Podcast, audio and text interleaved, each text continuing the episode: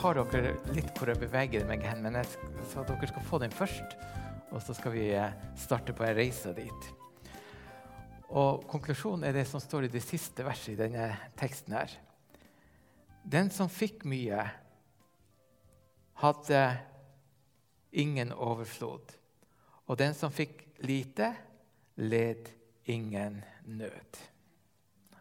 Amen. Det er noen som sier det at eh, når en person, enten det er en politiker eller en predikant eller hvilken som annen, sier dette Dette handler ikke om penger. Så kan du være sikker på at det handler om penger. Ikke sant? Så det er et sånt sitat. Og dere vet at Politikere er egentlig veldig glad i å bruke det ordet her. For de sier dette at ja, vi skal slå sammen Larvik og Lardal kommune. For da skal vi eh, liksom få det så mye bedre. Vi skal få tilgang til mye bedre kompetanse, og ting skal bli veldig mye bedre. Og det er et eller annet her inne som ofte skurrer hos oss, for vi skjønner at det må jo penger til også. Av en eller annen merkelig grunn så kommer vi ikke bort fra det. Og det er faktisk sånn at skal man utvikle noe, eller skal man satse noe, så er man nødt til å legge økonomi ned i det. Når du hørte denne teksten som eh, kom fra 2. Korinterbrev, der Paulus skriver til menigheten i Korint, så kunne du sikkert med en gang tenke at ok, Paulus er veldig, veldig opptatt av penger. Men det er en misforståelse. Paulus er mest av alt opptatt av evangeliet.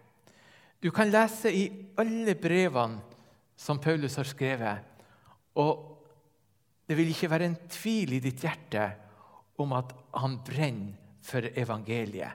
Han ønsker at evangeliet skal bre seg ut, skal nå til mennesker, at evangeliet skal bli levd ut, slik at nye mennesker får lov til å møte evangeliet både gjennom handlinger og gjennom det som blir sagt. Les alle brevene til Paulus, og du vil se at dette er en hovedsak. Men Paulus, når han har denne på en måte lidenskapen for å bringe evangeliet videre, så er Paulus veldig klar over dette, at her må noen redskaper til for at evangeliet skal nå videre. Det må være noen som bruker av sin tid. Det må være noen som bruker sine talenter. Det må være noen som bruker av sine midler for at vi skal klare å fullføre akkurat den oppgaven. Det fortelles en liten historie eh, om en eh, student som flytta til Puerto Rico. Og han eh, eh begynte å studere medisin på universitetet der. Og han opplevde det som de fleste studentene opplever, at når du studerer, så har du ganske lite penger, og du er nødt til å tenke deg om fra uka til uka hvordan du bruker pengene. Og han hadde ikke overflod i det hele tatt. Men han valgte å gå til ei menighet, og det var også ei metodistkirke, på det stedet der, og var ofte på gudstjeneste der. Presten og kona i den menigheten de så denne unge studenten. Og veldig ofte så tok de han med seg på søndagen etter gudstjenesten hjem til seg, og han spiste middag hos dem. Og de passa på noen ganger når de hadde hatt bevertning av en eller annen slag, og så sendte de med denne studenten det som var til overs.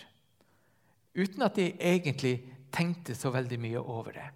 Og Denne studenten var aktiv i menigheten der i fem-seks år. Og eh, på en måte deltok i fellesskapet som alle andre. Så ble han ferdig med studiene. Og han fikk seg jobb på et sykehus. Og når han fikk den første lønninga, så går han til menigheter, og så sier han det at denne første lønninga, den skal dere ha. Og Presteparet ser på han og sier, 'Ja, men du trenger det jo sjøl.' Og så sier han det. 'Dere har tatt dere av meg.' Dere har vist sjenerøsitet. Dere har hjulpet meg gjennom hele studiet. Dette er min måte å gi tilbake på og vise takknemlighet for det som dere har gjort imot meg. Fantastisk historie, egentlig, og et eksempel til etterfølgelse. Og Da er vi inne på noe av det som Paulus snakker om i dette kapitlet. her. For Paulus er i Makedonia. Makedonia, Dvs. Si at han er i Hellas, antageligvis i området rundt Filippi og menigheten der.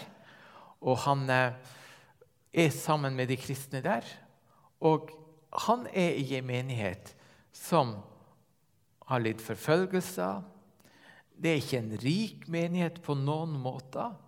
Og det er en menighet som, som på ingen måte har overflod i mange ting. Og så får denne menigheten de får høre om at de kristne i Jerusalem de lider. De lider voldsomt. Og de får høre om at det er en innsamlingsaksjon fra kristne i området rundt, der man vil gi en gave til disse kristne i Jerusalem.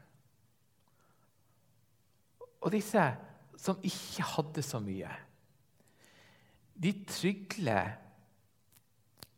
Paulus om å få lov til å være med å gi. Og Når Paulus ser denne givergleden og det engasjementet som de har, så sier han ganske enkelt Han skriver det de ga mer enn de hadde, eller de gav eh, overstrømmede av det som de hadde. Og han så det. Og det er noe som jeg tenker Paulus han la, det, han la merke til det hjertet som var hos disse kristne i Makedonia, som ikke hadde overflod. Og han tenkte på denne fortellinga om Jesus som ser enken som gir sin skjerv i kista. ikke sant? Og Jesus peker på denne enka, så sier han det at Se på denne enka. Det hun gjør, er at hun gir av det lille hun hadde. Hun gir alt. Og vi kunne jo trekke tanken eh, videre og si dette. Ja, tenk om andre fulgte hennes eksempel og ga alt. Kanskje noen som står på toppen på ei skatteliste eller noe sånt. Da hadde vi ikke hatt noen problemer, ikke sant?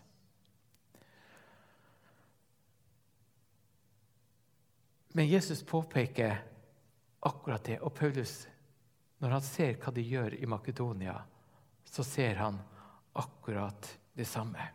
Han ser at de som var kristne der, de gir, og de vil være med å gi. Og de vil være med å støtte arbeidet blant de kristne som lider nød oppe i Jerusalem. Og så ser han på menigheten i Korint. Og menigheten i Korint var annerledes enn menigheten i Makedonia. Det er jo sånn vet du, at det kan være forskjellige sånn, sosiokulturelle eh, ting i menigheter. Menigheten Korint de var rike, de. De hadde overflod. De var rike på nådegaver. De var rike på penger. De var store på den måten at det var mye folk som går der. Og det var en aktiv menighet på alle måter. Og de hadde også, når de fikk høre om eh, den innsamlinga til de kristne oppe i Jerusalem, de har sagt vi skal være med. Og Det kan til og med hende at de hadde satt seg et ganske høyt mål. Men på en eller annen slags måte så var det blitt slik at det hadde stansa opp. De hadde mye, men de hadde liksom ikke klart å følge opp det de hadde lovt. Og Derfor sender jo Paulus også Titus til Korint for at eh, de skal få lov til å bli minnet om hva de har lovt, og fullføre den tjenesten der. Så Penger var en viktig ting også for Paulus, for han så på det som et redskap til å bringe ut evangeliet. Penger er jo ikke noe som vi på en måte skal samle opp i lader som ingen kan få bruke de. Men penger er jo noe som vi kan bruke for å være til velsignelse. Det er derfor vi har et misjonsprosjekt. ikke sant? Og vi ønsker å være med og legge til rette for at folk skal få bedre livsvilkår og få lov til å tjene Jesus i Sierra Leone. Det er derfor vi tenker at vi gjør noen ting f.eks. på valentinsdag som har med hjertet for byen og til de fattige, som vi også vet at vi har rundt oss her. Og vi prøver å være med og, og hjelpe. Og den tankegangen den ønska Paulus skulle ligge inne hos de kristne. Men Paulus var ikke bare opptatt av dette med penger. Når han tenkte på dette at de skulle tjene Gud, så var han like opptatt av at de brukte tid, og at de brukte av sine talenter. Det var nesten litt sånn fornøyelig jeg må si det, Lina, når du starter med denne sangen. Halle, halle, halleluja. Det bobler inni meg. Det er jo en fantastisk flott sang. Og eh, sikkert mange av dere som, som, gjør det på denne måten her. ikke sant?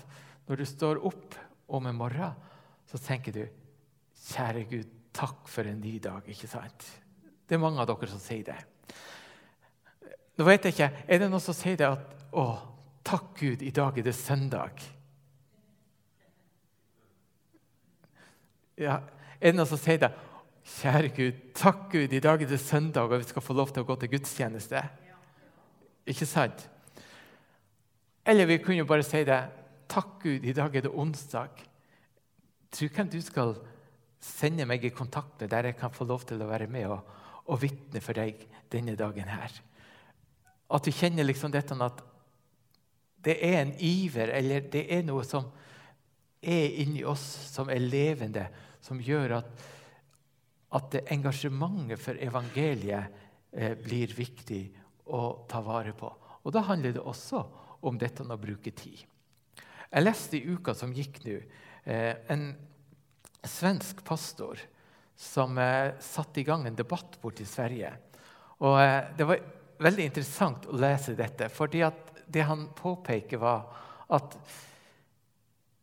veldig ofte i evangeliske kristne sammenhenger så er vi, veld, er vi opptatt av dette å si og understreke dette at vi blir Guds barn kun ved nåde. Og det er et kjernestandpunkt, så det er ikke noe feil med det standpunktet. Og det er ikke noe som vi skal forandre på i det hele tatt. Men så sier han det, men når vi kommuniserer det standpunktet, så sier vi noen ganger at du blir ikke kristen av å gå i kirka. Eller du blir ikke kristen av å gi. Eller du blir ikke kristen av å gjøre godt imot andre mennesker.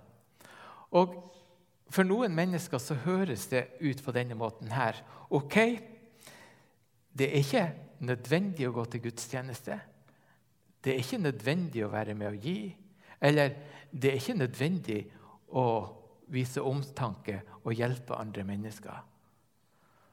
Så han sier vi må finne en måte å snakke på som gjør at vi får fram at evangeliet handler om dette at vi blir Guds barn av nåde alene. Men det kristne livet skal jo leves på en eller annen måte. Og det må gi seg en form for uttrykk. Og En av de uttrykkene det burde ha, det var jo dette at kristne kom sammen for å be til Gud, for å feire gudstjeneste, for å lovsynge. Og han tegner liksom opp på et bilde. Tenk om kristne kunne bruke og prioritere sin tid på dette to timer på søndagen for å gå på gudstjeneste. Tenk når folk begynner å snakke ikke om hvor få det er som går på gudstjeneste, men hvor mange det er som går der. Litt av det som er hans poeng, er at den måten som vi lever på, det er et vitnesbyrd, og det forteller ganske mye om hva som er viktig for oss. Den første ansettelsen jeg hadde som prest, var i Svolvær. Og eh, Der lå liksom kirka nede i en sånn liten dump, og rett overfor kirka så lå det en eh, kolonialbutikk. Og eh, de som drev den kolonialbutikken, de bodde i andre etasje i denne butikken. Og eh, det var jo naturlig, ikke sant? Jeg bodde jo like ved at det var nærbutikken min, så jeg var ofte innom der og handla. Og eh, vi hadde hatt en periode der det hadde vært ganske godt med folk på gudstjenestene i Svolvær.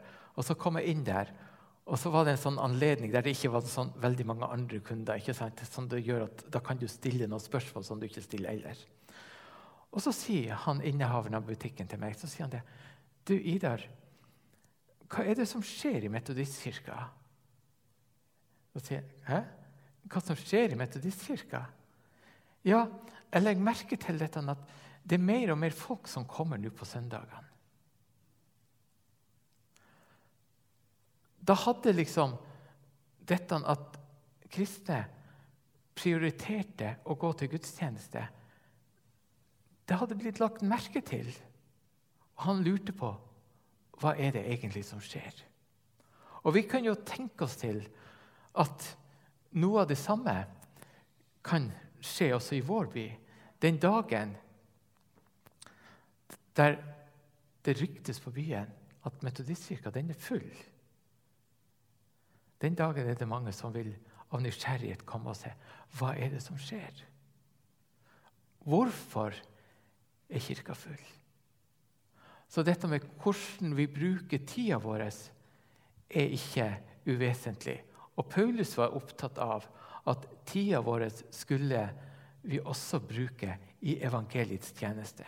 Og nå er ikke det å gå på gudstjeneste det, en krist, det eneste en kristen skal gjøre. Men det er én måte å bruke tida si på. Men egentlig like stor respekt står det ofte av de som setter av tid ukentlig for å være med å bringe evangeliet til barn og til unge.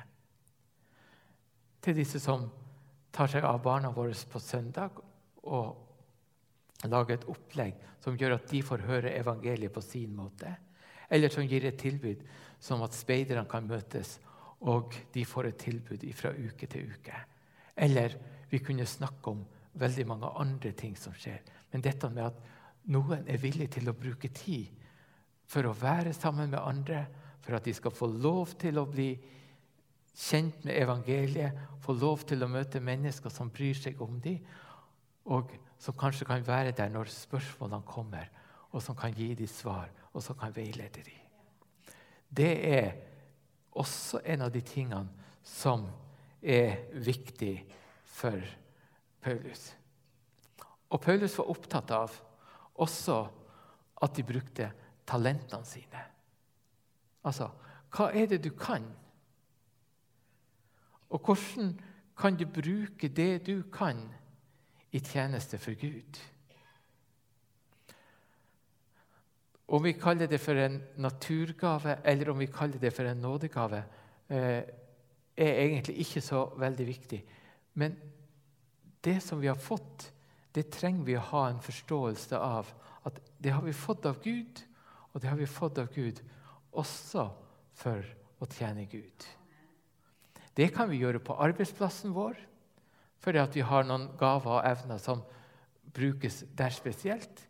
Men det kan hende at vi kan bruke akkurat de samme gavene vi bruker på arbeidsplassen, inn i en kirkelig sammenheng. Og også få lov til å være med og tjene Gud helt konkret på den måten der. Dette å bruke de talentene vi har, det er viktig. Og det er jo slik at det er så mange mange forskjellige ting som treng, trenges å utføres i en menighet. Og dette med at vi hjelper til alle sammen å bruke det vi har, det er det som gjør det lettest. At det ikke blir slik som det ble med Moses. ikke sant? At han sto der alene. Ikke sant? Og så ble han sliten, og så falt hendene ned. Men så var det noen der. Aron og Hur som kom og støtta opp armene hans, som gjorde at arbeidet kunne gå videre, og gjorde at arbeidet fortsatte. Så Paulus, når han snakker til menigheten i Korint, så er han opptatt av dette at evangeliet skal vinne fram uansett hvor det er henne. Og til det så trengs det at man bruker tid, man bruker de gavene man har, man bruker de midlene man har, og man tjener med iver i den tjenesten. Og så gjør Paulus en, et av de grepene som er fantastisk egentlig å legge merke til. Det er dette at han bruker Det gamle testamentet. Paulus var jo en fariser i utgangspunktet, så han kjente Det gamle testamentet godt. Og når han snakker, og han på en måte viser, viser oss et bilde om hvordan Gud ønsker at ting skulle være, så siterer han et lite vers som står i Det gamle testamentet når israelsfolket er i ørkenen og de får manna. Og israelsfolket, når de opplever at Gud sørger for dem, så lærte de en viktig ting, nemlig dette at Gud gir deg det du har behov av. Var det noen som falt for fristelsen og tenkte at vi var veldig sultne og vi trengte ekstra mye, og de samla det inn? Så opplevde de bare dette at det som de ikke brukte, det råtna. De kunne ikke gjøre seg nytte av det. Men de opplevde også det at neste dag så var det en ny manna der. Gud ga dem det som de behøvde. Og Derfor er liksom konklusjonen min også det samme som Paulus i avslutninga har med det her. De som fikk mye, hadde ingen overflod. Men den som fikk lite, led ingen mangel. Og der ser du Guds bilde av hvordan ting skulle være. Vi skulle ta oss av hverandre og stole på dette, at Gud sørger for oss.